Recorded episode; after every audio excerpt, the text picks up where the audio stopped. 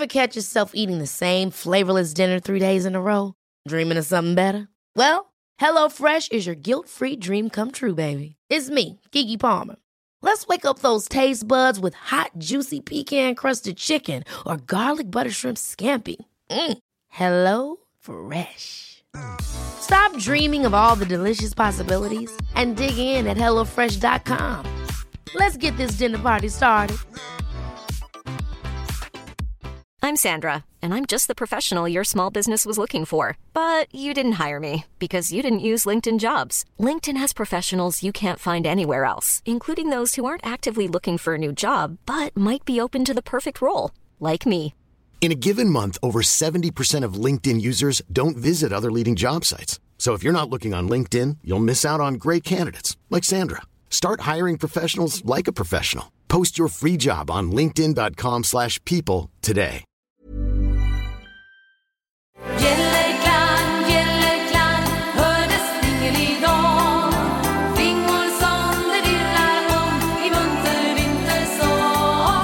Varmt välkomna till Berätta alltid det här. Jag heter Frida Boysen. Och jag heter Tilda Boysen. Och idag så har vi med oss en sprakande, otroligt relevant gäst.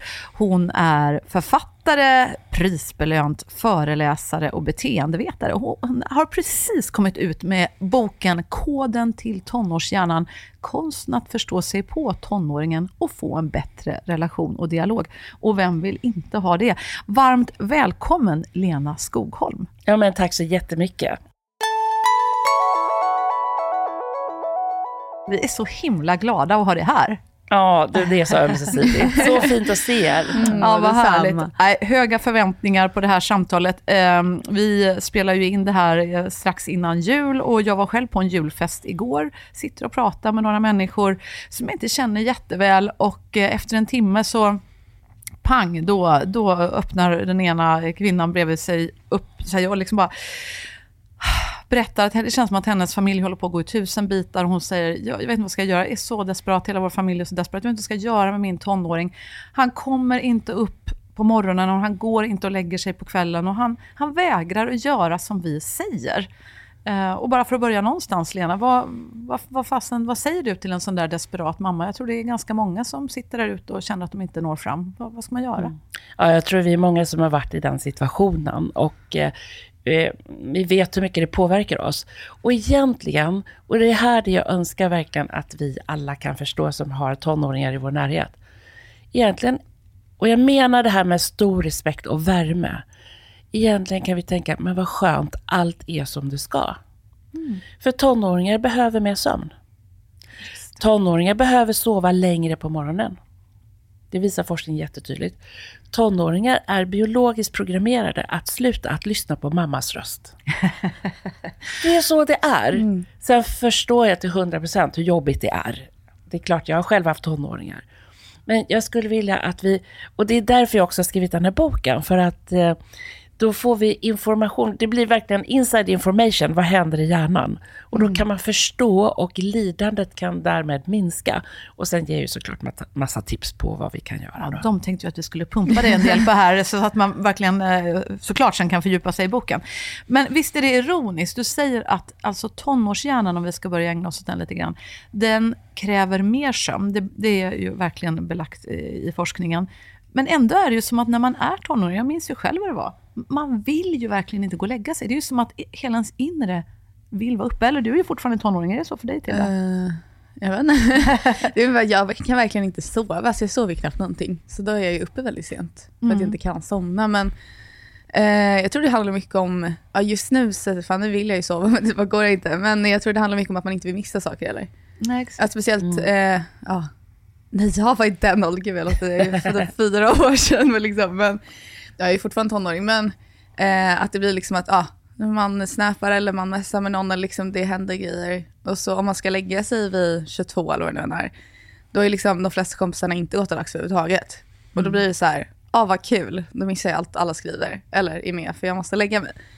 Så blir det väl dels det plus att man blir, ah, jag vet inte, det är så här, fuck you, jag kan väl lägga mig när jag vill. Att det blir liksom det, eh, ja, men kontrollen man vill ha själv. Att det är liksom ganska, om man bara skiter i att vi är liksom människor överlag, man bara skulle kolla på djur, det är någonting, typ den kontrollen man alltid har egentligen. När somnar jag och när vaknar jag ibland kan man ju kontrollera det också. Men det är liksom två av dem, det är typ vad äter jag, när går jag och lägger mig? Det är liksom de kontrollerna vi har på ett sätt. Så jag tror det handlar mycket om med kontroll och inte att man vill inte missa saker. Vad säger du om, om det, Lena? Och då kommer vi där som föräldrar och vill liksom inkräkta på en av de där basic grejerna som man känner då i sin frigörelseprocess, kanske som tonåring, att det här bestämmer jag ju ändå över. När jag ska sova, när jag ska vara vaken. Och så kommer man och lägger sig i där. Är det det som fuckar upp en del, eller?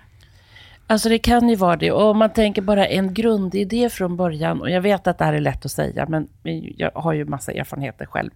Både av att ha tonåring och ha jo- jobbat med det. Eh, men det är så här att försöka undvika så mycket konflikter som möjligt. För konflikter gör ju ett att det är mycket svårare att somna. Eller hur? Alltså blir det bråk och sånt där, relationer är det som skaver ofta mest och gör att vi inte kan somna. Så att ju mer- vi kan ta bort av konflikter och kanske ha någon struktur eller man kommer överens om någonting att förhålla sig till. Och sen får vi konstatera då, det har gjorts en jättestor studie, när man har mätt ungefär när på dygnet man sover. Och då ser man i den studien att tonåringar förskjuter sin sömn en och en halv timme. Så det är ju inte konstigt man är vaken, det är liksom Ja, det är by the book. Och då behöver man också sova längre såklart. I kombination med att tonårshjärnan bygger ju om så enormt mycket. Så det tar ju så mycket energi. Så innan en tonåring ens gör någonting så går det åt massvis av energi. Det är bara att konstatera. Spännande. Ja, det, eh, du ska få berätta mer om tonårshjärnan nu, för nu, nu är vi på väg in dit. Men jag måste bara fråga dig också. Det, mm, vi, vi har ju en, en kille som snart ska börja gymnasiet här nu och står och väljer mellan olika gymnasieskolor. Och han håller på att kika mycket på en nu, just för att de eh, börjar sina skoldagar klockan 10. Ja, men du ser. Mm. Vad säger du om det? Tycker du det är en bra idé att skjuta på skoldagen och ha lite senare skolstart för tonåringar? Eller tycker du att man ska bita kvar i det här att, att skoldagen ska börja åtta och tonåringarna behöver gå upp vid sådär 6.30 kanske? Nej, oh, huvudligen, tänker jag. Nej, men varför inte? Finns det forskning kan vi inte lyssna på den och eh, liksom jämka omgivningen utifrån hur tonårshjärnan funkar istället för att tvinga in tonåringar i en mall vi har. Så jag tycker, varför kan man inte lägga det senare? Och det finns ju många forskare som är inne på den linjen också. Jag tycker det är idiotiskt. Alltså, hade jag varit lärare hade jag också föredragit att börja två timmar senare. Alltså, det är ingen som skadas av det. Exakt! Och jag, alltså gymnasiet, då är det ju ofta mycket friare vid just tider. Ah. Vi började, alltså vi hade någon dag där vi började 8.00, som alla avskydde. Men annars började vi senare. Och det är ju hur mycket härligare som helst. Man kommer liksom mer utvilad, man känner inte heller, åh, det är helt kallt ute och det är bara hemskt när man går upp. Nej. Och sen börjar man, man vaknar bättre, man är på bättre humör, lektionerna går bättre. Alltså just åtta är bara, jag fattar inte varför. Nej. Det är så lätt byte att göra, alla hade mått bättre av det. Det känns som en gamla resthistoria från industrialismen, att man skulle börja en viss tid och så blev det skolan lika, ja, bla bla bla. Ja, men Mm. Lena Skogholm, sätt ner foten. Eh, Skjut på skolstartsdagen för tonårshjärnans bästa. Ja. Ja, bra, då har vi belagt det. Men berätta mer om tonårshjärnan eh, innan vi löser alla problemen förhoppningsvis. Men eh, nu, nu, vad, vad är skillnaden då, bara rent generellt sett, om du liksom skulle ha någon röntgenblick på och titta in på Tildas hjärna här just nu, som då är 19 år, och min som är 30 år äldre, 49. Vad, vad, liksom generellt sett, vad brukar skillnaderna vara? Mm, ja, det finns ju flera skillnader, men om vi går in på en grundläggande som får också stor eh, effekt i vardagen, och sen kan vi ta del efter del då. Men om man tittar på hjärnan då generellt sett, oavsett ålder, eh, om man ser en bild på en hjärna, eh, vilket jag tror vi är många som har gjort. Då, då kan man ju se så här, hjärnstammen längst ner, så är det en grej i mitten som vi brukar kallas för däggdjurshjärnan, det limbiska systemet, amygdala, men med flera saker där. Och sen har vi hela hjärnbarken och inte minst pannloberna. Då. Och ser man på en bild, då är det tydligt olika typer av strukturer. Okej, min nästa tanke är så här då. Kan de här strukturerna motsvara olika typer av medvetandenivåer i hjärnan? Mm, det kan nog vara så. Och om jag berättar superkort om en middag för att sen komma in på tonårshjärnan, hur den funkar då. Eh, för det, det som hände under den här middagen som jag var på med min man, det var att en person hamnade liksom i den ena medvetandenivån efter den andra inom loppet av bara några timmar. Mm. Eh, och jag tänker alla vi som har träffat en person som har varit lite överförfriskad kan ju märka stora skillnader. Kan man ju. Absolut. Från början i alla fall så satt vi där och våra vänner är ju såna här riktiga vinkännare, det är inte riktigt jag, men, men jag försöker hänga med. Och sen så diskuteras det här vinet som hälldes upp och det analyserades. Och han bredvid mig, som jag inte hade träffat förut, han var expert på det här vinområdet. Så han höll ju som en miniföreläsning. Jag var så imponerad och tänkte, men gud vad intelligent han är. Hur som helst, det kommer ju in så här, eh, eh, vad heter det, förrätt och mer i glasen, huvudrätt mer i glasen. Och ni vet, ett par, tre timmar senare, alla är vi lite mer så här avslappnade i gasen, glada. Och en är ju särskilt i gasen då. Japp, det är han bredvid mig där. Vi kan kalla honom Peter. Ja. Eh, han var, kroppen var lite lealös och sen var ju känslorna framförallt, liksom, de bara flög fritt där. Eh, Det var ju så trevligt att vi gjorde det här och han tyckte vi skulle göra det här varje lördagkväll typ. Så han gick all in med, med känslorna där. Och jag bara så här reviderade med bedömning lite här. Tänkte han är också ganska känslosam. Okej. Sen så kommer det ju in eh, dessert lite mer i glasen för några, kaffen och chokladbit lite mer i glasen för några. Och sen har det gått ett par, tre timmar till då. Och hur ser vi alla ut nu? Alla är lite mer så avslappnade, glada och mätta förstås då. Men vad gör Peter nu? Han har liksom slumrat till vid bordet där. Yes, det var den nivån. Eh, och sen är det en i sällskap som går och ska hämta någonting i köket och behövde passera bakom Peter. Och så råka stöta till honom av misstag för det var lite trångt. Ja. Men det skulle han ju inte ha gjort, för vad händer? Peter blir jätterädd, flyger upp och så säger han bara så här, men vad fan gör du? Se dig för. Ja. Till det som var en av hans bästa vänner alldeles nyss. Jag reviderade min bedömning lite grann igen om Peter. Ho hett temperament, vem är karln? Ja. Men är inte detta uppenbart om de här tre medvetande lagren? Först var det ju så jättebra analys, analys. det logiska så funkar superbra. Sen var det känslorna i centrum och nu var det ju mer instinkten. Och tittar man då på den här bilden på hjärnan och kollar var kommer de här delarna ifrån? Så reptilhjärnan är ju ett begrepp vi alla känner igen. Om en reptil blir utsatt för en fara, vad gör den? Ja, flykt, attack eller spela död. Det är det. Och sen utvecklades ju för ungefär 200 miljoner år sedan däggdjuren.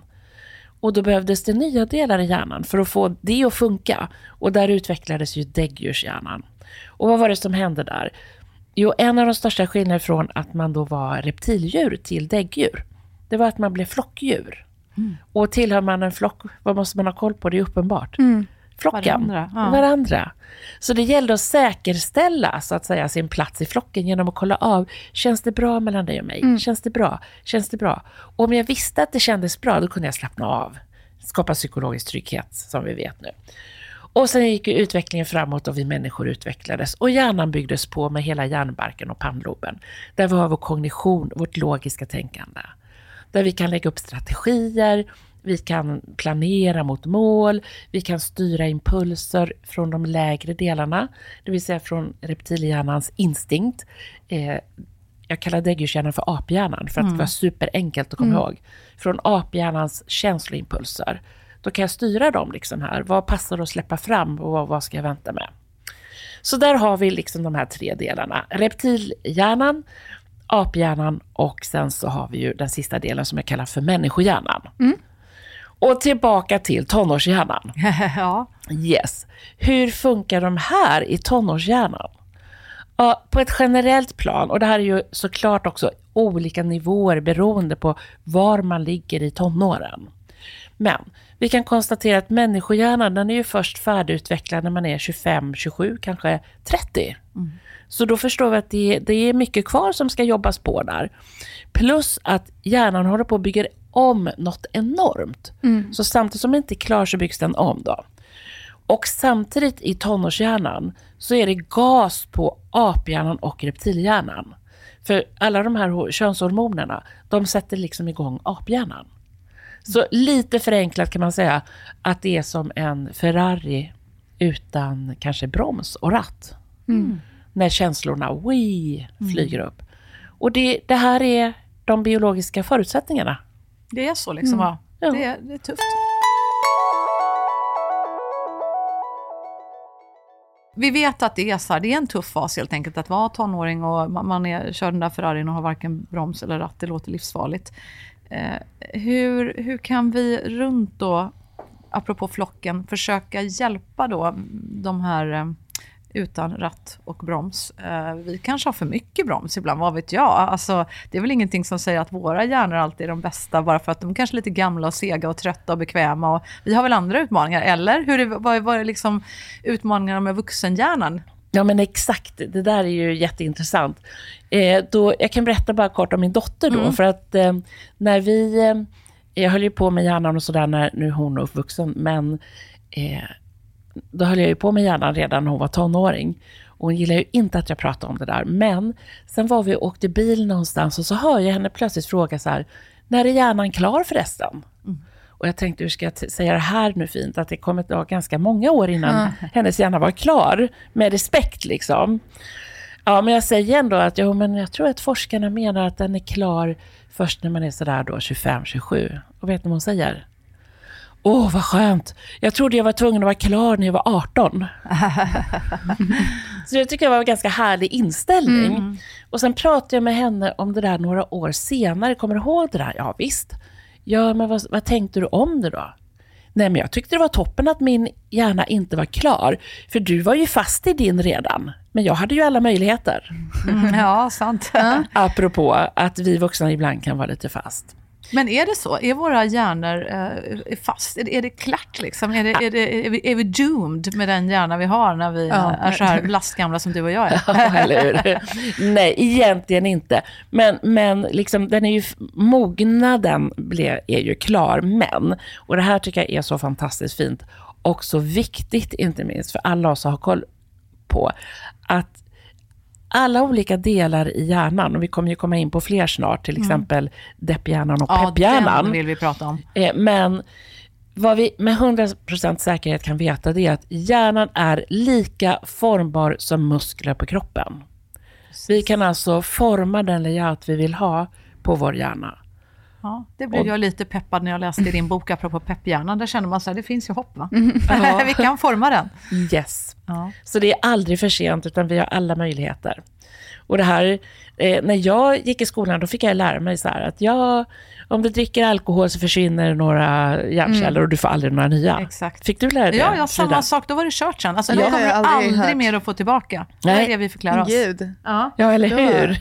Nej men det, det var ju Är, inte... är är det så, Lena? Nej, det är ju inte alls så. Det här visste man egentligen då, fast man sa tvärtom till oss. Lite skrämselteknik. Eh, grejen var att forskningen hade inte kommit ut till eh, Skolorna publik liksom. liksom, Nej. på det Nej. sättet. Eh, men det var, stämmer ju inte alls, utan vi får nytt, nya hjärnceller hela tiden, hela livet, livet ut. Liksom. Så allt är möjligt. Men jag tänker så här, tillbaka till Ja. eh, reptilhjärnan, aphjärnan och människohjärnan.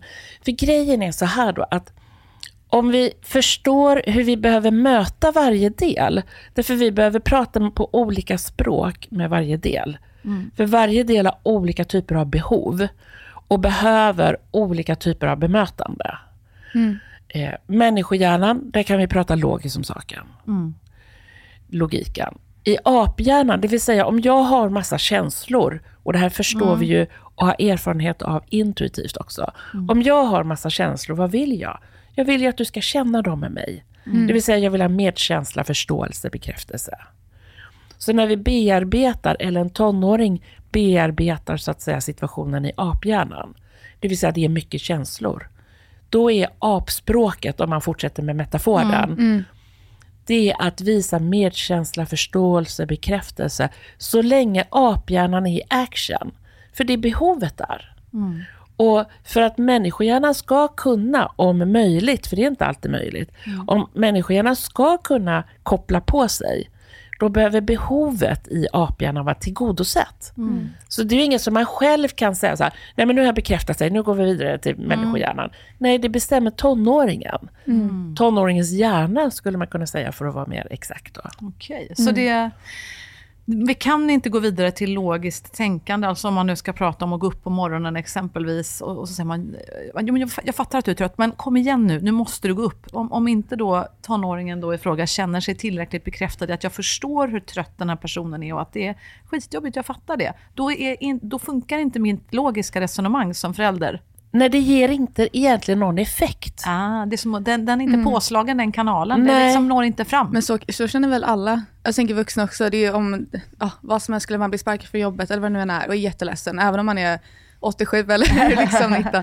Då blir man jätteledsen. Då, är det ju så här, då vill man inte höra att bara, ah, ja, men det, ut nu, sök ett nytt jobb. Det blir så, alltså man vill ju ha liksom Först en medkänslan. liten klapp på axeln. och Det Exakt. blir bra liksom. Det är, fan vad segt, men vi löser det här. Jag finns här. Exakt För då så. kan man ju tänka, man behöver ju trösten och Ja. förstå sympati innan man kan gå till det logiska. Exakt så. Mm.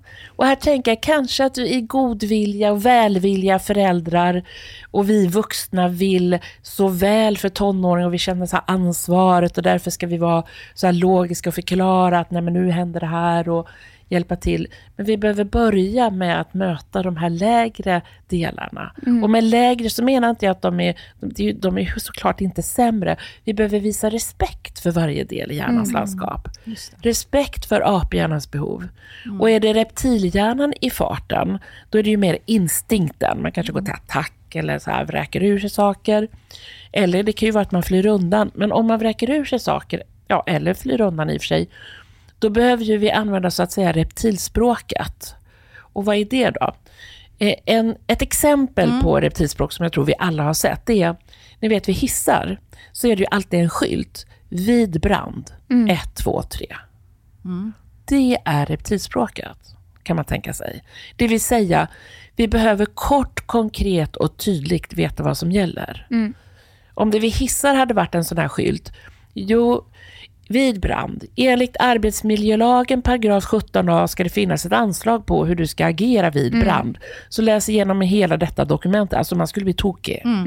Samma sak i tonårshjärnan om man kommer med långa förklaringar. Om man är i upprorsläge. Hur gör man istället då för att komma med en kort förklaring? Eh, ja, men till exempel så här. Eh, jag fattar. Eh, sätt det här. Jag hämtar te. Vi tittar på punkt efter punkt. Det är egentligen som en snitslad bana bara att följa. Förenklat, när man är i, i reptilhjärnan.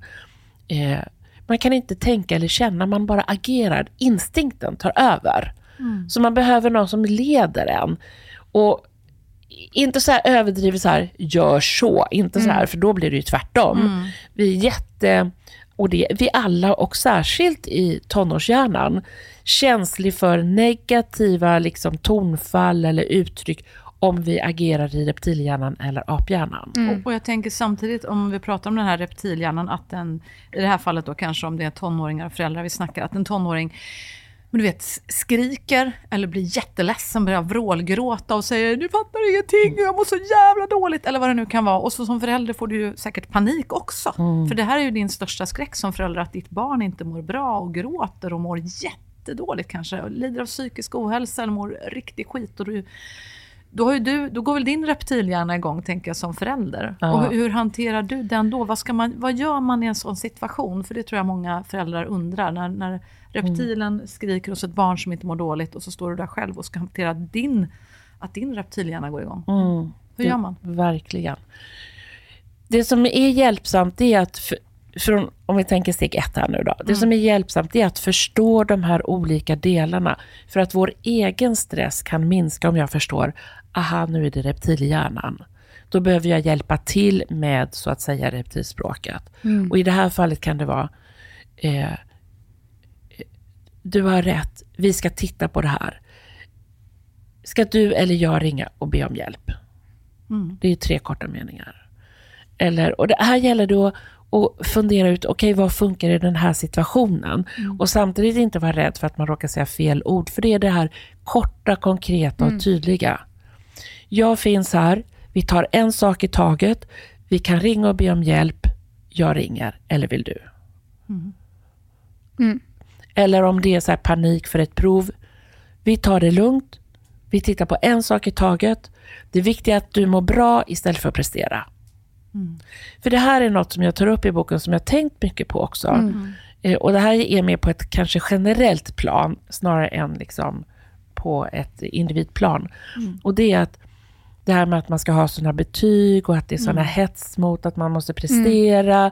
Och om man inte väljer rätt skola i årskurs fem så kommer livet gå åt helvete. Ja. Och jag bara så alltså, jag, börjar nästan gråta bara jag säger det, men för jag är en känslig själ. Eh, men jag tänker så här, men var det viktigare att våra unga presterade? Eller var det viktigare att de mår bra? Ja, Det är såklart bättre att de mår bra. Självklart. Jag tycker vi ska, nu kanske det är som att svära i kyrkan, men om ni förstår mig rätt utifrån hur hjärnan fungerar och vikten av att våra unga mår bra i den här tiden vi ser hur eh, psykisk ohälsa galopperar. Det viktigaste är att din tonåring mår bra, inte presterar. Skit i ett prov. Strunt, välj ut, är det några ämnen du vill satsa på? Jag kanske vill satsa på de här två för jag tycker de är kul. Ja, men strunt i de andra. Ta det liksom, gör det du orkar, men gör inget, ge inte energi på det. Ja, men då kanske någon direkt protesterar, jo men då kommer jag inte in på det och det och det. Nej, okej, en del en del unga klarar av, kan man säga, eller en del mår till och med bra av att utmana sin hjärna.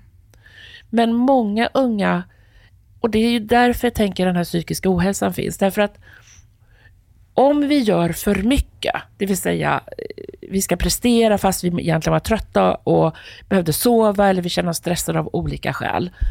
Eh, om vi då ändå kör på, går hjärnan ner i ett energisparläge. Det vill säga att den kommer stänga av sig. Och det första som händer är att människohjärnan med det här logiska tänkandet stänger av sig. Så blir vi för stressade får vi inte tillgång till den. Hur gör man för att komma och väcka hjärnan igen då? Det är återhämtning och göra roliga saker och inte minst lyssna till sig själv. Alltså vi, och då behöver ju vi vuxna lyssna på tonåringen. Vad säger tonåringen? Vad vill du? Vad mår du bra av? Vad skulle kännas bra för dig i den här situationen? Och även om man får svar, för det kan ju vara så här att man är förälder till en tonåring som är motsatsen till en själv. Om det kommer fram något annat svar än vad man själv validerar, det vill säga bekräftar det som kommer fram. För det är så för den här personen. Och likadant i skolans värld. Men säger eleven, jag orkar inte det här, men ta det på allvar. Jo, men kämpa bara lite till. Ja, alltså jag måste säga, i dagens samhälle när den stressrelaterade psykiska ohälsan generellt ökar, Mm, det är ju ett samhällsproblem. Att då säga, nej men försök lite till, du klarar det här, du klarade det igår. Det där är att förstöra folkhälsan, om man ser ett vidare begrepp. Alltså här tycker jag att vi alla är skyldiga, oavsett liksom vilken nivå vi är på eller plan, om man är förälder, man är lärare, man är något annat. Det viktigaste är att må bra. Och jag har tänkt på det här förresten. På företag, jag har hört eh, eh, att man brukar säga så här att om medarbetarna mår bra så går det bra. Eller hur? Mm, Verkligen. Kan man inte applicera det på skolvärlden då? Jo. Ja, men När eleverna mår bra, går det bra. Just det. men jag tror också just som att inte lägga så mycket vikt vid prestation. För att det är, alltså absolut, vissa drivs ju på av det. Alltså jag tycker tävlingar är jävligt kul, liksom, så Ja. på det sättet är det bra. Men sen så blir ju saker, alltså även om man tyckte skolan var jättekul, säger vi. Och så har det gått bra och sen så får man ett dåligt betyg. Och då blir det direkt så här, vad fan är det här? Alltså det blir liksom det här negativa att, gud, det här var helt oväntat och oj vad dåligt det här var. Och liksom det blir värsta fighten. Då blir man ju dels stressad men också rädd för att man ska få en reaktion och. Det för sig själv att liksom, ah, är allt mitt värde och vad andra, eller vad mina föräldrar eller mina kompisar tycker om mig i hur jag presterar. För då blir ju inte det längre kul. Eller någonting som är så här, ah, vad roligt, fan vad duktig jag är. Då blir det ju liksom, nu måste jag göra det här annars så ser jag inget värde i mig själv, ser inte andra det. Att det blir något negativt och då blir man ju inte heller ja, men glad i det. Det är inte lika roligt, det tar för mycket stressenergi. Då blir det ju verkligen något negativt laddat. Så så länge man bara från början är, ja, vad bra och ja, fan det är skit, vad tråkigt. Men vi gör det tillsammans, vill att hjälpa er. Alltså det blir, då blir det roligare. Då vill man mer, då orkar man mer. Så just att bara göra det från början så blir det ju bättre. Precis så, precis så. För att om man istället fortsätter att köra på, man kanske känner så här, för jag tror vi alla kan ha, ha haft den här känslan att man är så trött så det, eller stressad, så att det står helt still i huvudet och det går inte att tänka.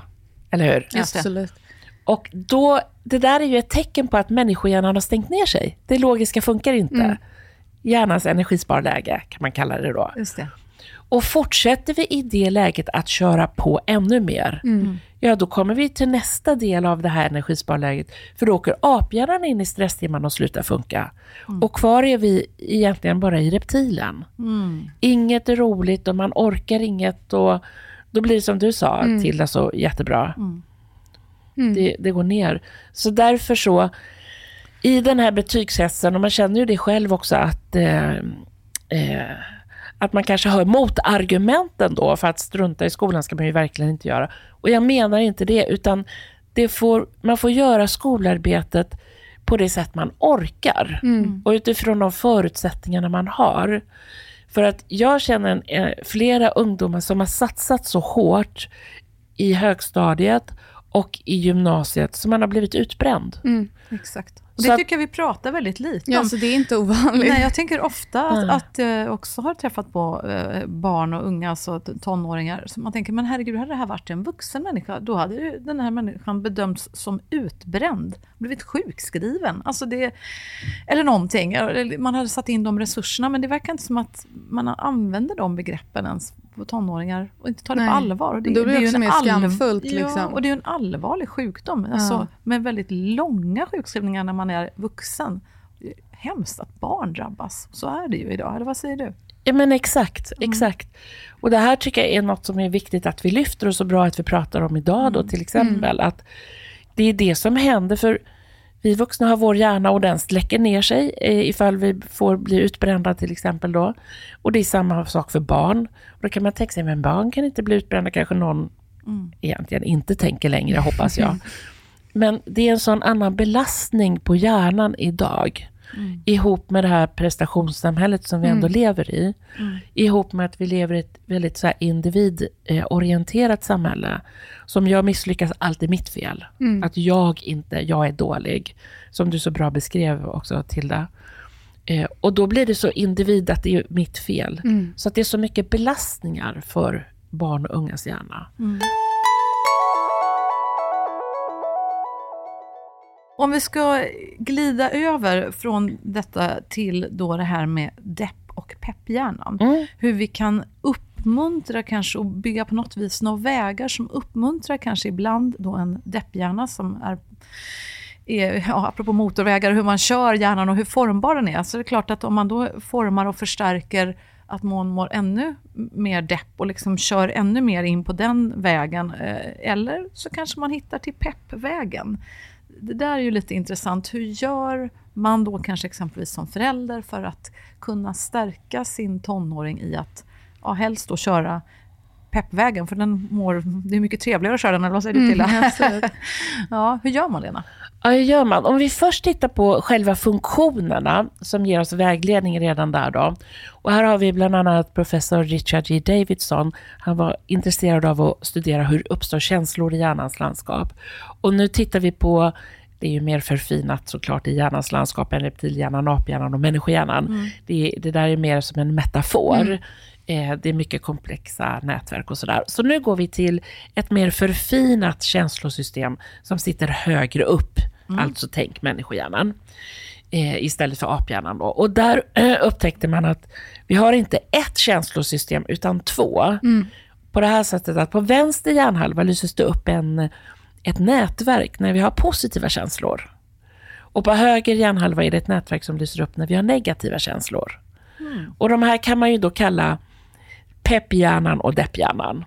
Och i boken kallar jag dem också för solskenshjärnan och grådaskhjärnan. Så man kan välja bara begrepp här. Ja, Så där har vi de här två delarna då. Och sen vet vi sedan tidigare att vi kan ju bygga alla delar i hjärnan starkare eller svagare. Och jag passar på förresten att nämna, eh, känner ni till Michael Mosley? ja. Ja. behovstrappan. Eh, Eller? Och nej, men han, har skrivit en, han har skrivit flera böcker om femtvårdigheten. Ja, det har han gjort ja. Ja, och så han skrivit, för, eh, han har ju haft flera tv-program om hjärnan Nej, jag tänkte på saker. Maslows behovstrappa. Det är en annan Just det, kille det är en annan kille. det här var Mosley. Ja, Mosley, det är en annan rackare. Jag vill berätta det här för att det blir så tydligt hur formbar vår solskenshjärna respektive grådaskhjärna är. Han skulle göra ett program om dessa två då. Själv var han ganska skeptisk till att det skulle vara bättre att ha en stark solskenshjärna. Och så får man följa honom i programmet och först säger han så här att när han var ung, liksom, en så liten pojke mer, då var han ganska glad i hågen. Så blev han ung vuxen, så blev han mer så orolig av sig. Och nu är han lite mer så medelålders plus och typ katastroftänkare. Där var han. Han går till Elaine Fox som är professor på detta området. Och där ska han mäta storleken på sin grådaskhjärna och solskenshjärna. Och han sitter och är så orolig såklart då över detta. Och eh, vad upptäcker man? Grådaskhjärnan var tre gånger så stor som solskenshjärnan. Och det här är så viktigt för oss. Och då komma ihåg, alltså som vår mentala arkitektur ser ut. Som vår mentala arkitektur ser ut, så blir vårt liv. Så är det. Okej, men vad får Michael Mosley nu då av hon professorn? Om inte ett träningsprogram för solskenshjärnan. Oi! Härligt. Och, och vad är lite highlights för detta då? För Ja. den som lyssnar. Då, I det här fallet så skulle han göra två saker och det här var ju sånt som hon hade använt i sin forskning, så det var ju mer sådär då. Men det första är att han ska sätta sig på en mental och fysisk paus och samla sitt fokus. Man kan kalla det mindfulness eller meditation, men detta, det är det det handlar om. Att du kommer ner i varv mentalt och fysiskt och samlar fokuset. Och i det här fallet så gjorde han en sån här kroppsskanning, det vill säga att han kände efter på tårna, fötterna, benen och så vidare.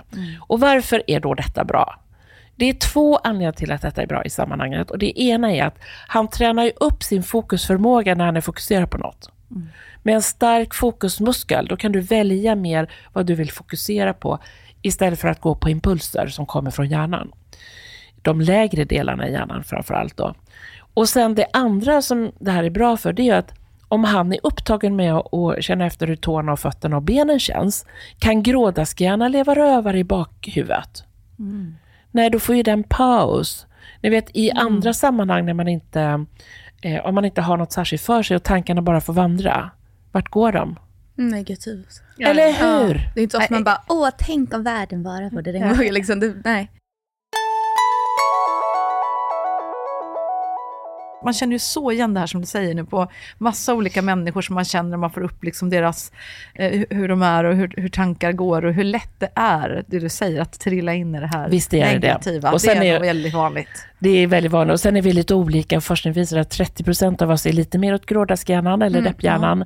30% av oss mer åt solskenshjärnan. Men nu ska vi inte glömma bort det där som du sa mitt. så inledningsvis, att det, det, det här är elastiskt. Det är elastiskt. Det går att jobba med. Det är Japp. inte så att ja, du föddes med mer grådask, så Nope. du är dömd till grådask resten av ditt liv. Så är det inte. Så är det inte. Och då visar ju detta, som Michael Mosley gjorde detta med all liksom, önskvärd tydlighet.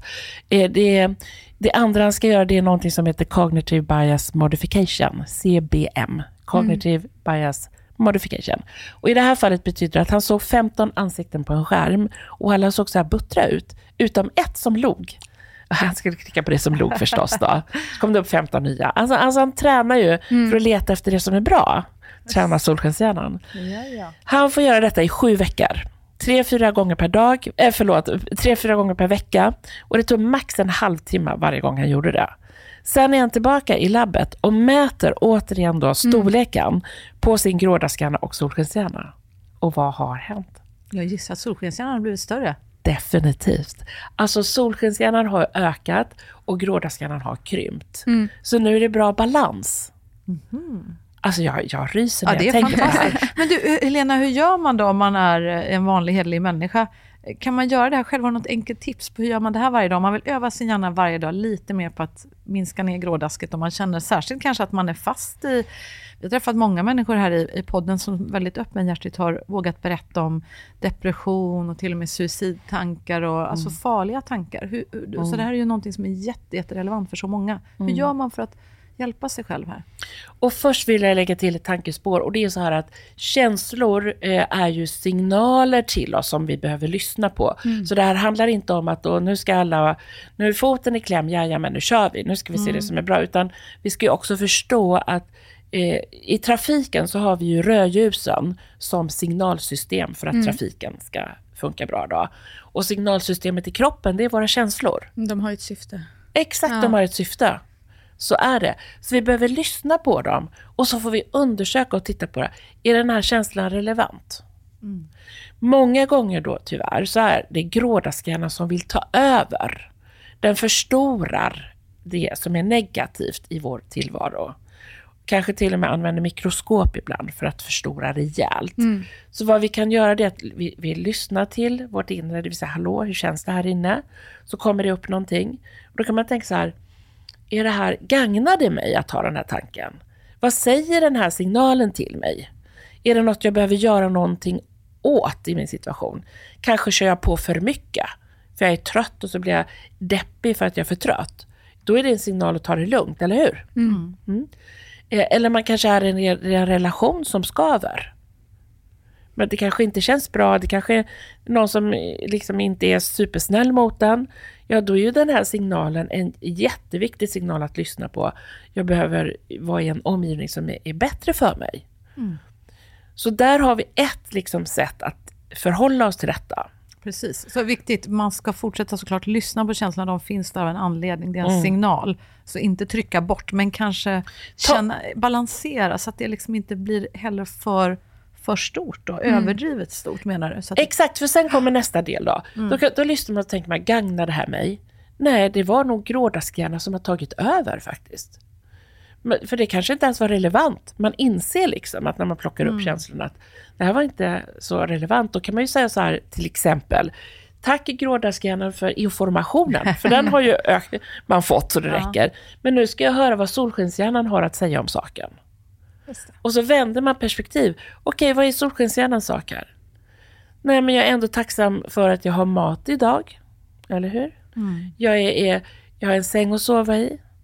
Jag, och sen får man uppskatta det man har istället för att se det man inte har. Det här är ju något man har hört jättemycket. Men det går inte att förringa värdet av det. Verkligen inte. Det, Verkligen det, det inte. kan låta väldigt basic, men det, det, det är ändå bra. Jag, jag måste bara inflika, jag gör ju den här som jag har sagt förut, five minute journal, nästan varje morgon och kväll. Och då ska man börja varje morgon med att skriva tre saker man är tacksam över. Och eh, dagens mantra, och vad skulle jag göra idag, what would make today great? Och, och, och sen på slutet av dagen så är det three highlights of uh, vad, today. Vad var det som var härligt och vad lärde du dig? Och det, som, det tar tar bara några få minuter, men snacka om att liksom också hjälpa då sin hjärna att tänka i de här solskens eh, ja, spåren. Och det är det jag tror kan motivera oss att göra det här vi i, i, ibland har hört om. Men när vi förstår att det här handlar om att du tränar din solskenshjärna eller pepphjärna. Då ger det en annan motivation. Man kan ju säga lite så här också att, ja hur ska du få en stor biceps? Ja men det vet vi. Man går och tränar den. Men det räcker ju inte att man vet. Man måste ju gå och göra det också. Och sen räcker det inte att man gör det en vecka och sen är det klart. Utan man får liksom ligga i. Och samma här då. Och ett annat sätt är ju att tänka så här, eh, man, man pratar ju ofta så här, nej men det går inte för det och det. Nej men vänd på det och tänk, när skulle det gå? Istället. Alltså hur kan du ha lösningsfokus? Eller tänk eh, istället för att hitta det man då kanske är dålig på eller tyckte man borde vara bättre på. Nej men vad är mina styrkor? Eh, och när jag använder mina styrkor, vad är det för resurser jag har inom mig som gör att jag kan använda de här? Ja, det är ju grymma tankar. Jag måste bara fråga en fråga som är lite annorlunda. Jag tänkte bara att jag tror att många som lyssnar kanske också känner igen sig lite i det. Att om man är en förälder eller syskon eller vad det nu än är, som känner att det är en tonåring, ens- ett barn eller vad det nu än är, så man känner sig så låst i den här situationen.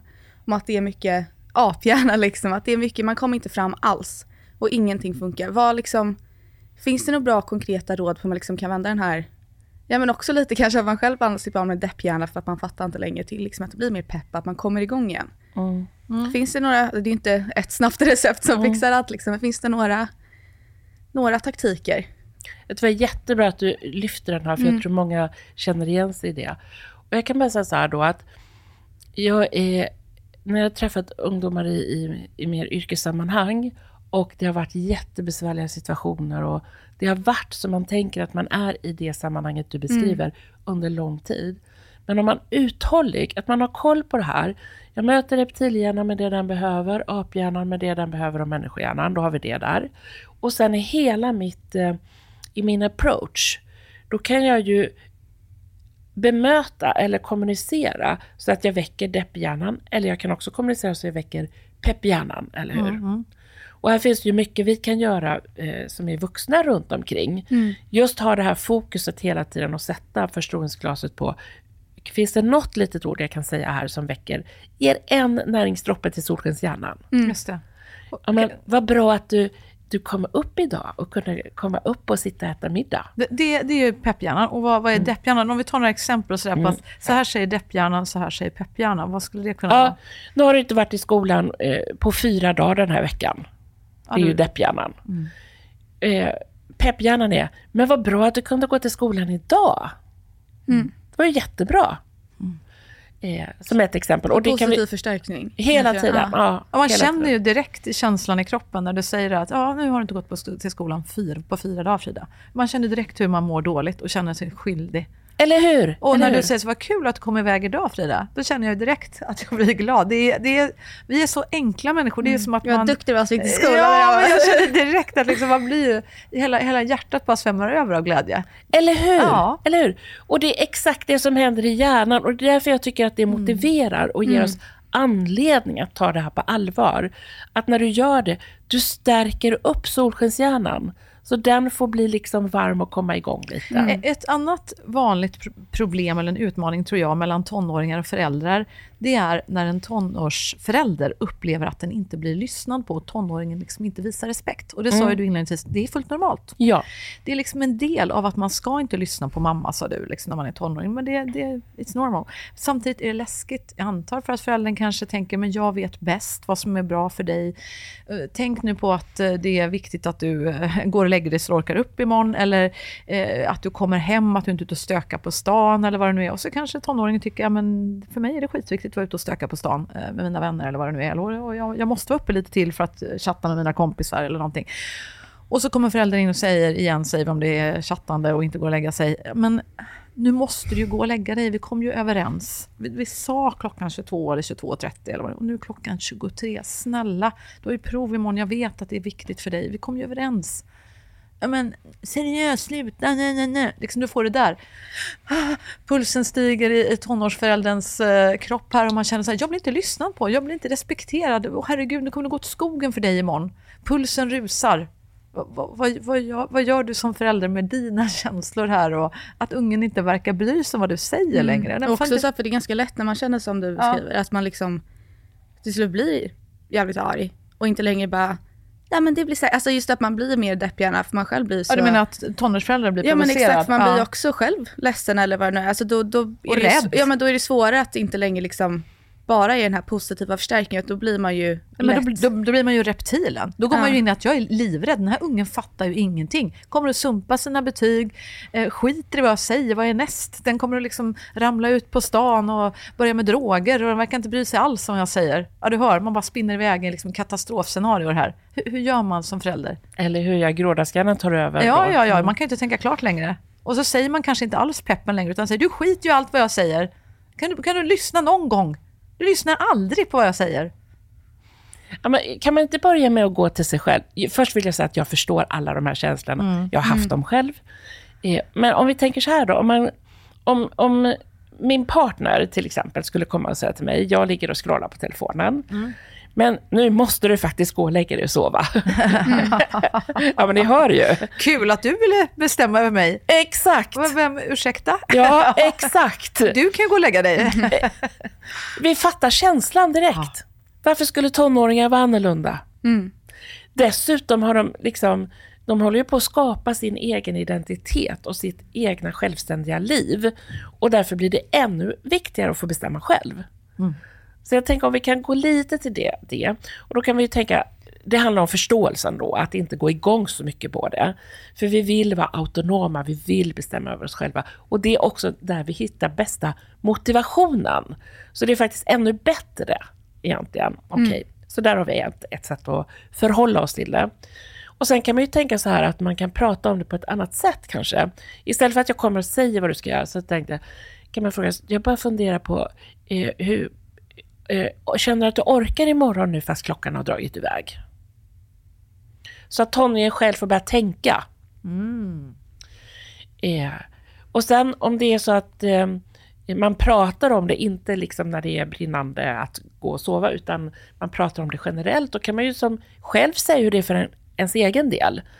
Nej, nu märkte jag att jag kom i säng så sent igår, för jag var uppe och jag kollade på det, jag kollade på det.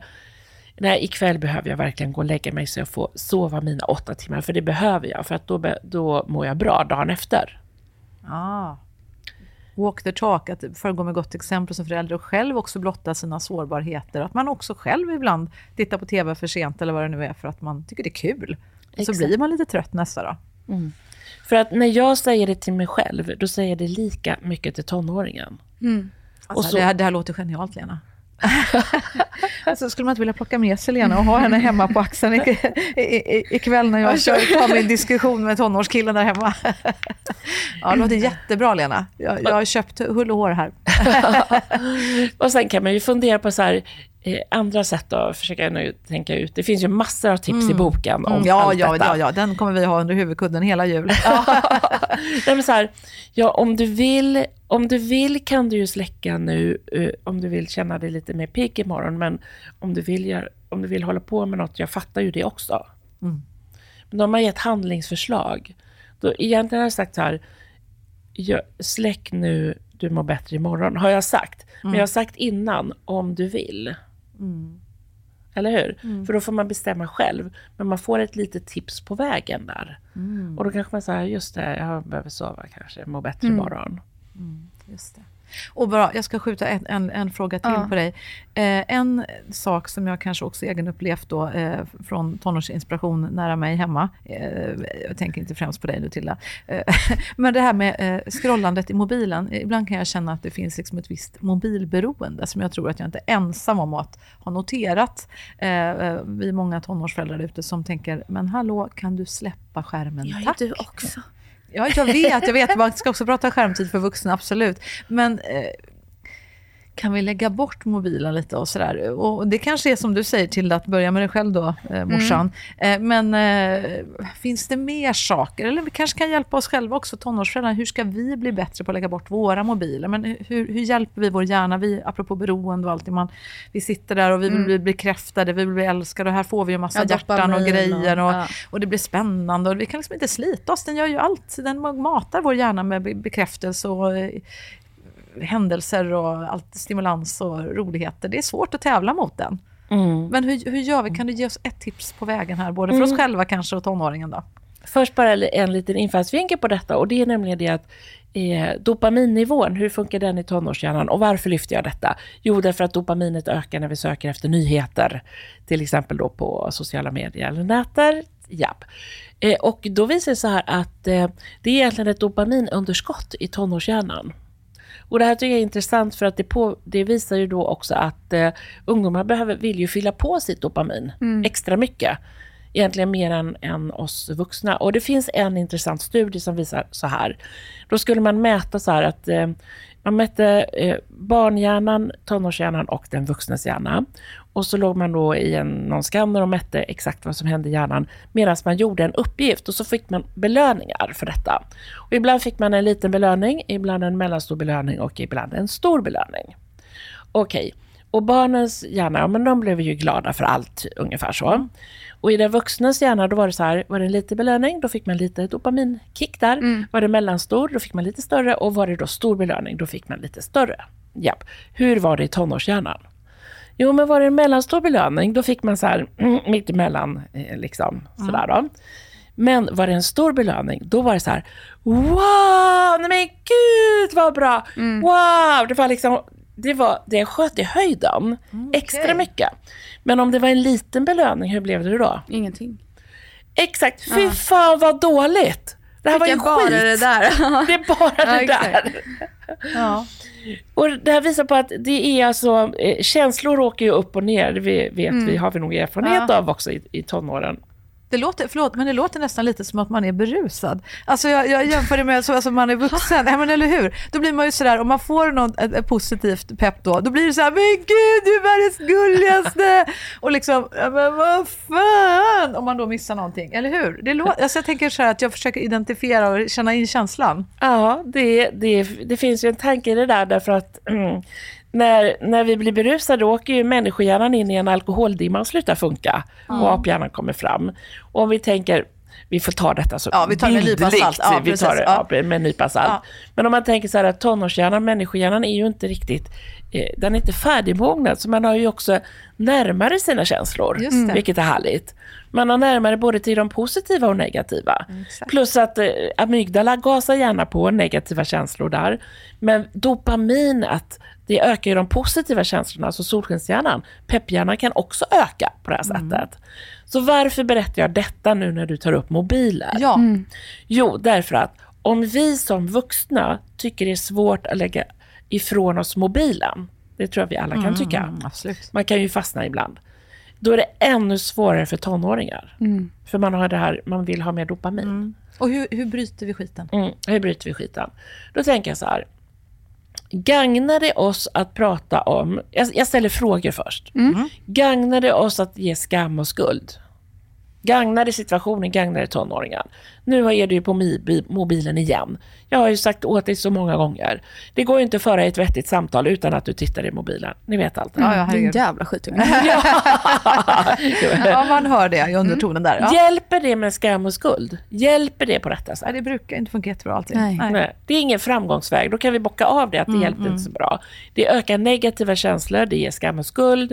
Det gör också att relationen får lite hack här kanske. Man kan också känna sig påhoppad. Ska du säga? Du sitter Ja, också och på. tappar ännu mer respekt och kommer inte lyssna i framtiden. Nej. Exakt. Ja. Exakt. Det är det här vi vill komma åt, eller hur? Okej, då kan man tänka sig så här. Hur kommer vi åt det här? Jag säger återigen, ställ frågor. Och eller prata om dig själv. Jag kan ju prata om mig själv. Om mig själv. Och till exempel säga att, nej men gud, nu fick jag en sån här veckorapport. Jag har varit på mobilen fem timmar per dag hela förra veckan. Jag fattar inte vad jag har gjort. Hur är det för dig? Vet, man börjar ställa frågor. Man pratar om sig själv och ställer frågor. Hur är det för dig? Får du någon sån här rapport? Så får vi se vad som svaret blir. Nej men gud, alltså jag, jag märker så här, och pratar med mig själv, att ibland så tycker jag att det faktiskt ger mig jättemycket att vara på nätet. För jag kanske får reda på mycket, kanske har jag en hjärna som går i 180 och vill få lite input, eller jag kanske har mitt nätverk där. Det ger mig faktiskt mycket. Och sen är jag ju fullt medveten om att jag själv också är på nätet när jag bara slösar min tid. Så det handlar ju om, när ger det mig någonting? När gagnar det mig? Och när tar det? När ger det mig ett värde kan man säga? Och när tar det bara min tid? Det är ju där vi behöver navigera. Och där tänker jag att vi behöver ett starkt inre ankare. Och då gäller det att hjälpa tonåringen att bygga ett starkt inre ankare. Och medvetenhet om detta. Istället för att komma med förbud och hit och dit. Då. Så så här, och man kan ju också komma med önskemål. Nu när vi äter middag, jag skulle uppskatta jättemycket om vi alla kunde lägga bort mobilerna. Jag har lagt undan min där och stängt av den. Skulle det vara okej för er andra? Ja, det låter fair. Jag lägger direkt bort mobilen nu, Lena. ja.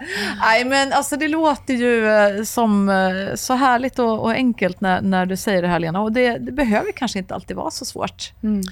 Nej, och jag, jag, jag, kan, jag är medveten om att det kan låta enkelt. Och jag kan säga att allt är trial and error. Och eh, det finns mycket i mitt liv som, som, som ligger bakom, som inte har varit lätta saker. Både för min egen del och på andra sätt. Eh, så jag är fullt medveten om det. Men jag är också samtidigt fullt medveten om detta. Och det är det här att ju mer vi lär oss om tonårshjärnan, då fattar man direkt, jaha, jag behöver göra så. Och då, först, då blir det enklare. Sen är vi inte robotar, vi kommer glömma av. Men om jag har koll, vänta, hur gör jag för pepphjärnan här nu då? Och jag har, fått, jag har fått så mycket feedback från läsare, men också via Instagramkontot så får jag så här, de som har läst inläggen som jag skriver där, där jag tar liksom highlights från boken. Eh, Så skriver de så här, jo men nu har jag gjort det här och det här, jag, jag har ett bättre kroppsspråk som du skrev där, jag försöker se det positiva, jag möter de här delarna och det blir faktiskt bättre. Och det här handlar bara om några veckor. Så jag vet att det finns sån kraft i detta. Plus att när jag har koll på den här inside information så att säga, jag vet de biologiska programmen som styr, då minskar jag min egen stress. Verkligen. Kunskap Ja men verkligen. Och precis som du bara säger, jag tycker det är fint också för det skapar dels större förståelse som förälder, men också lite mer, inte för att man inte har sympati innan, men det blir mer sympatiskt varför man gör som man gör. Att det inte blir att gud vad min unge inte beter sig, den måste hata mig liksom. Att det kommer från illvilja utan att man istället förstår att ja, det här kanske inte var så trevligt gjort, men det finns av en anledning. Och att det måste man liksom respektera. Det är en helt annan insyn och man, man tar det på ett annat sätt när man väl vet det innan att det här är anledningen. Det är inte jag som har fuckat upp eller Nej. något som har hänt, utan det är bara så det är. Jag tycker också ett jättefint Exakt. inlägg du, du skrev. eh, Jag är också stort fan av ditt Instakonto. Eh, Men det var något inlägg där du skrev om, det, det här är några tankar som surrar omkring kanske i din tonårings hjärna. Och då var det ju många sådana där ord som är så här att, men gud, eh, jag räcker inte till, det är, gud jag är värdelös, skolan går åt helsike, det kommer aldrig gå bra för mig. Eh, men, han tycker nog inte om mig. Och, men massor av känslor som man, när man umgås med dem så tänker man bara, ah shit, så där, så där kan det ju verkligen vara. Och det, då blir det lätt för, för eh, jag vet inte vilken del av hjärnan det är, alltså, men empatidelen av det i alla fall. Och då blir det, tror jag, så mycket lättare att hitta in i de här peppspåren. Börja ställa mer frågor som du säger och, och ge kanske lite mer förslag istället för att försöka ta över och domdera. Mm. Och om vi ska lägga till liksom en sista palett Mm. kring detta, så kan man säga så här också då att eh, om vi, förenklat för att komma Mm. in i det utifrån hjärnforskningen. Eh, Paul Gilbert, professor, la grunden för en förståelse av att vi har tre motivationssystem som driver oss framåt. Bara kort då. Ett, hotsystemet. Vi förstår när det går igång. Eh, vi har det utforskande systemet, eller prestationssystemet, går igång när vi ja, presterar. Dopaminet duschas ut i varenda cell. Och sen har vi trygghetssystemet. Oxytocinet duschas ut i varenda cell. Trygghetssystemet kan gå igång att om vi inte känner något hot eh, och vi behöver inte prestera, utan man kan få vara och man kan få chilla liksom. Och jag känner mig trygg.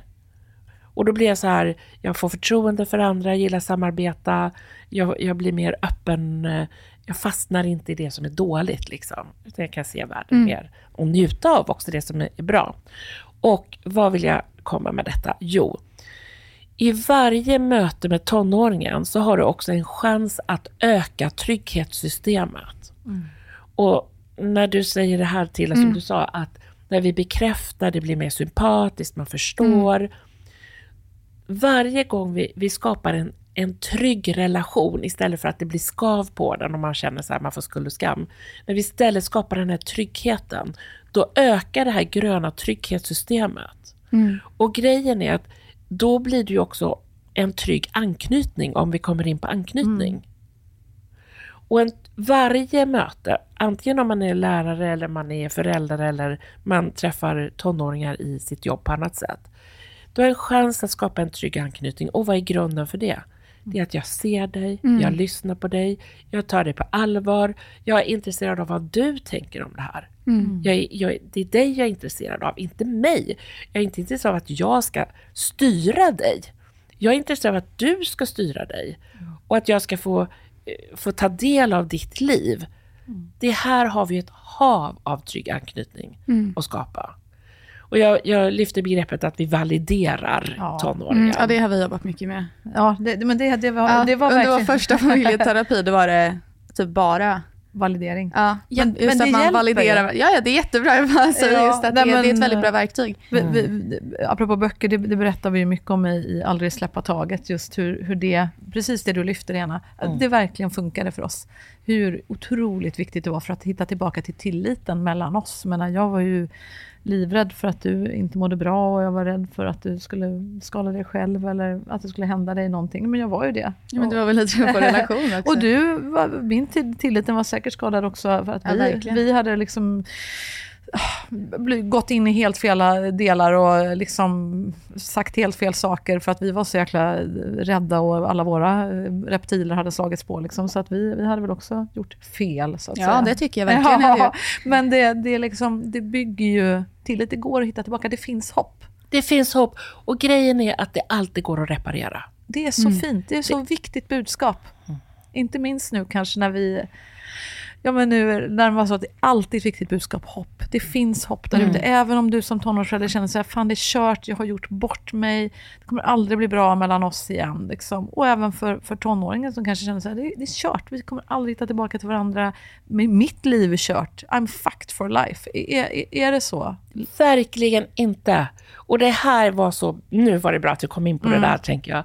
Därför att det är, jag har träffat ungdomar som känner det. För att det är på något sätt vi signalerar det på något sätt, samhället. Även om man inte vill kanske, men och det blir eh, prestationens liksom baksida då kan man säga. Att om du inte gör det här, det här så kommer allt gå åt helvete. Och det, ja, då det, har man inte bra betyg, då är visar, statistiken att man mår sämre och man blir sjukare och gud vet vad.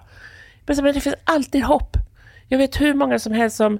Nej men jag hade en klasskompis, han hoppade av skolan och han var så trött på det i åttan. Nu är han framgång, han börjar sälja sen så här räkmackor i Smögen. Och nu är han superframgångsrik företagare. Någon annan som satt, eh, gick till skolan visserligen, men satt resten av tiden framför datorn. Ja, nu är han ju dataexpert på ett stort företag. Fru, barn och Volvo, hela konkadonken. ja. Och någon annan så här som, som, där det har varit jättemycket olika svårigheter och det finns olika diagnoser som kan ställa till det och allt blev pannkaka.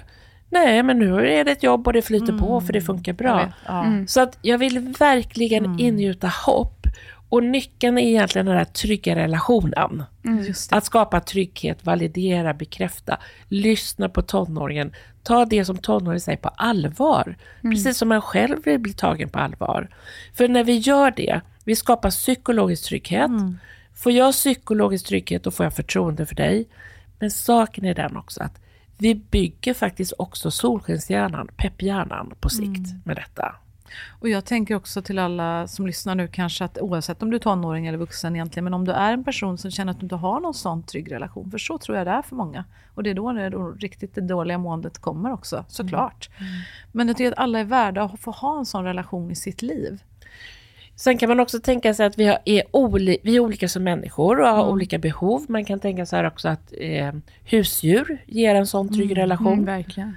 Hundar där liksom... Eh, hundar är väl, wow, Du, du, bästa ska väl ut, relationen. du ska väl ut och gosa med en hund Ja. idag, Kimchi, eller hur Tilda? ja, och du, du kommer ju bäst. alltid hem och strålar när du har Ja, varit ute och gått med henne. Ja. Och sen vill jag också nämna en annan sak, för att jag, det, ensamheten är ju stor i samhället. Och då finns det, eh, jag har tänkt på det här så mycket efter att jag hörde en eh, intervju i, i TV. Man inte frågade, jag tror en läkare eller psykolog, om någon känner sig ensam, vad kan man göra? Och jag satt och väntade på bästa tipset. Liksom. Och det kom aldrig. Utan det var mer så här, ja man kan gå en promenad. och- Jag kommer inte ihåg exakt vad det var nu då. Man kan försöka någonting sådär. Men vet du vad forskningen säger är det bästa tipset för att må bra? Berätta. Det är, det är två saker som, som har visat. Det ena är att dans är faktiskt det som gör en jätteglad. Så om man gillar det. Men det andra som också ger sådär stor glädje, liksom, det är att bidra till andra. Ja, fint. Det finns nästan inget, visar forskningen, att man blir så glad eh, än, än om man får bidra till andra. Och då tänker jag så här, kanske vi kan låsa upp oss ur ensamhetsbubblan och istället för att tänka tanken så här, ingen bryr sig om mig. Det här är lätt att tänka, vi alla har nog haft de här tankarna. Jag har haft Absolut. det. Alla vet hur det känns Alla att vara vet. övergiven tror jag Ja. och känna sig ensam. Eh, och, och tänka så här, åh, ingen finns här och ingen bryr sig och så här. Och försöka låsa upp det här och vända tanken istället. Vänta, vad kan jag bidra med till någon annan? I det ögonblicket är jag egentligen inte ensam längre. Och det kan vara det lilla. Hur kan jag bidra med eh, lite glädje till eh, kassören när jag Ja. handlar? Kan jag bjuda på ett litet leende? Kan jag fråga någonting? Jag brukar ofta tänka här, också när jag precis har fastnat med de där negativa tankarna och tyckte, gud varför inte mina kompisar där för mig mer och sådär. Då brukar jag försöka vända och tänka, hur kan jag bli en bättre vän? Eller som jag faktiskt också sa till dig till vid något tillfälle, som du tyckte, som du skriver i boken, tyckte du var jätteviktigt. Hur, hur, kan, nej, hur kan jag bli en bättre förälder? Liksom? Och de frågorna. Eller hur? Det här är så viktigt och det här tänker jag också för ungdomars del då. Och, att bidra till mycket, man kan bidra på att man engagerar sig i en förening, i en fråga man är intresserad av, bjuda grannen på kaffe, ringa någon man inte har pratat med på jättelänge. Det finns en uppsjö när man vänder på Ja. tanken. Men man, tänk- man kan också ställa upp i telefonlinjer, man kan liksom, det finns massa organisationer, man kan börja jobba för Mind eller ja, vad, vad det nu än är. Det finns ju hur mycket som helst människor som behöver hjälp över hela djur världen. också. Ja, djur också. Och då kommer man i ett sammanhang. Ja. Och då får man en, en liksom liten flock där. Och då tänker jag också, som jag nämner i boken, att eh, ton, hur, hur brukar vi tänka och hjälpa tonåringar att tänka? Vad vill du bli när du blir stor? Vad behöver du för betyg för att få liksom, komma in på den linjen? Vad vill du jobba med? vore det inte spännande att vända tanken så här, vad vill du bidra med till samhället? Mm. Blir man inte lite mer taggad då? Jo. Det- På den här middagen jag var igår så var det någon som sa, som sa så här, hur många här vill förändra världen? Och jag bara, ja! Och, och, så tänkte jag att alla skulle ropa ja. Ja! Men det kanske inte var någon annan som vågade. Men vad fasen är det klart att vi vill. Jag tror att alla någonstans vill det och vi alla kan det. Och vi kan bidra med vår pusselbit. Nej, men jag vill bidra med att eh, eh, eh, vara pedagog till barn för att utveckla dem och också göra möjligt för eh, olika andra typer av yrken. Eller jag vill bidra med eh, att vara kreativ. Jag vill bidra med att ta hand om äldre, för de har eh, liksom jobbat hela livet, eller hur? Ja, eller jag vill ta hand om eh, herrelösa hundar. Och, eller, ja, det finns ju hur mycket som Ja. helst. Men, och det, nyckeln är att vända bara för- på frågan, istället Ja. för vad, hur kan jag själv förverkliga mig själv? Exakt. Mm. Släppa jaget så mycket och vad jag ska prestera. Tänka, vad kan jag göra för andra? Och vi kan hjälpa ungdomarna också att börja tänka de här tankarna. Och sen kan jag bara nämna superkort att ett eh, kapitel jag lyfter i boken, ni vet, man pratar ju om existentiell ångest i samhället. Verkligen. Inte konstigt i dessa dagar. Eh, men jag funderar på varför pratar vi inte om existentiell hälsa? Mm. För det är ett begrepp som WHO har lagt in för många, många år sedan som en viktig hälsoaspekt. Absolut. Eh, Och hur kan vi hjälpa ungdomar att... Eh, alltså att vi, hur kan vi prata om de existentiella frågorna? För det är ju de vi tangerar när vi börjar prata hur kan jag bidra? Eller hur? Absolut. Eller likadant när jag får tänka, ja, vad är det jag vill göra? Det vill säga när man får lyssna till sin egen inre röst. Då börjar vi också tangera de frågorna. Och jag har hört, jag, jag har sett flera undersökningar som visar så här att ungdomar känner att man får inte så mycket tid med föräldrarna och man önskar att de ska finnas mer för en och lyssna på en. Och då tänker jag så här, det blev lite krock i mitt huvud för jag tänker att många föräldrar vill ge jättemycket tid och försöker göra det. Och så har vi här tonåringar som känner att man saknar. Och då tänkte jag så här, kan det vara så att vi inte pratar om de här, att man känslomässigt saknar. Det är inte tiden kanske, det kan det vara. Men att man saknar den känslomässiga kontakten. Eller att man saknar, och med känslomässig menar jag såklart att vi, vi har de här nära samtalen. Precis. De samtalen om de existentiella frågorna. Ja.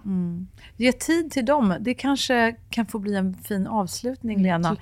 Att vi skickar med alla våra lyssnare att passa på nu i jul. För då är vi ju ofta nära med våra familjer. Vi har faktiskt lite mer tid.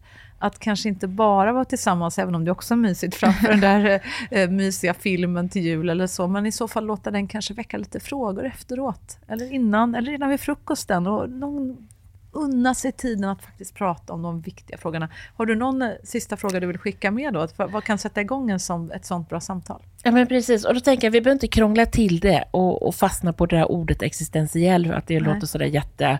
ehm, Krångligt. Liksom. Krångligt, Eller stort precis. och svårt. Ja. Det är inte svårt. Utan att i min värld så handlar det om, nej men vad, vad, mår jag, vad, vad, vad får jag energi av? Ja, precis. Jag brukar fråga så här, vad brinner du för? Vad brinner jag för? Exakt, det är superbra. När, kändes du, när kände du senast yes? Exakt, där har vi det. Ja. När känner du att du verkligen kommer till ditt rätta jag? Ja. Eller när känner du att det så här pirrar här inne för att du bara så här, wow, det här är mitt element. Eller ibland kan jag också ställa frågan så här, för att eh, jag, ibland coachar jag människor lite grann, så här, chefer och sånt där, såna här frågor. Jag brukar också säga, men gud, vad tyckte du var riktigt kul när du var liten? Ja. För ibland är det så här som att eh, herrar som är så här eh, heavy CEOs och sånt där runt om i Europa, de har liksom glömt det. Vad de tyckte var skitkul när de var små. Men när de börjar snacka om det, då märker man att passionen bara sprakar. Och då, då finns det alltid ett sätt att fånga upp det där som de tyckte var kul när de var nio år. Det brinner de ju fortfarande för egentligen. Och det finns alltid utlopp att hitta det i, i sitt sammanhang idag. Eller hur? Och här sa du en viktig sak. Energin kommer loss. Ja. Märker du vad jag sa? När vi lyssnar till vårt inre får vi tag i vår egen kraft. Så är det. Fint. Lena, eh, underbara Lena Skogholm. Du, eh, vi vill tacka dig från djupet av vårt hjärta Mm. för att du kom till Berätta allt det här. Och alla våra lyssnare där ute, missa inte koden till tonårshjärnan, konsten att förstå sig på tonåringen och få en bättre relation och dialog. Tack för att du har fått oss att, eh, ja vad säger du Tilda? Ja, tänka till. Och verkligen få massor av bra tips på vägen. Mm. Verkligen. Hoppas att vi ses snart igen där ute, kanske på någon föreläsningsscen runt om i, i, i Sverige också. Och eh, vi önskar dig en riktigt, riktigt god jul och ett gott nytt år. Eh, tack Lena, och tack du som lyssnar. Vad säger du Tilda? Jag skulle också säga tack till dig som lyssnar och vi hoppas självklart du också får ha en god jul och ett gott nytt år. God jul Lena. Ja, men god jul till er och till alla som lyssnar. Ta hand om er.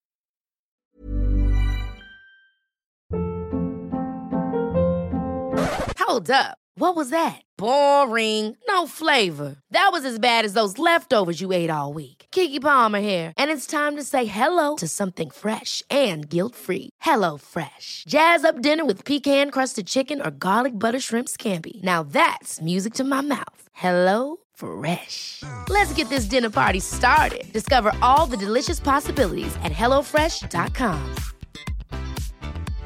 Imagine the softest sheets you've ever felt. Now imagine them getting even softer over time. That's what you'll feel with Bowl and Branch's organic cotton sheets. In a recent customer survey, 96% replied that Bowl and Branch sheets get softer with every wash. Start getting your best night's sleep in these sheets that get softer and softer for years to come. Try their sheets with a 30-night guarantee. Plus, get 15% off your first order at bowlandbranch.com. Code BUTTERY. Exclusions apply. See site for details.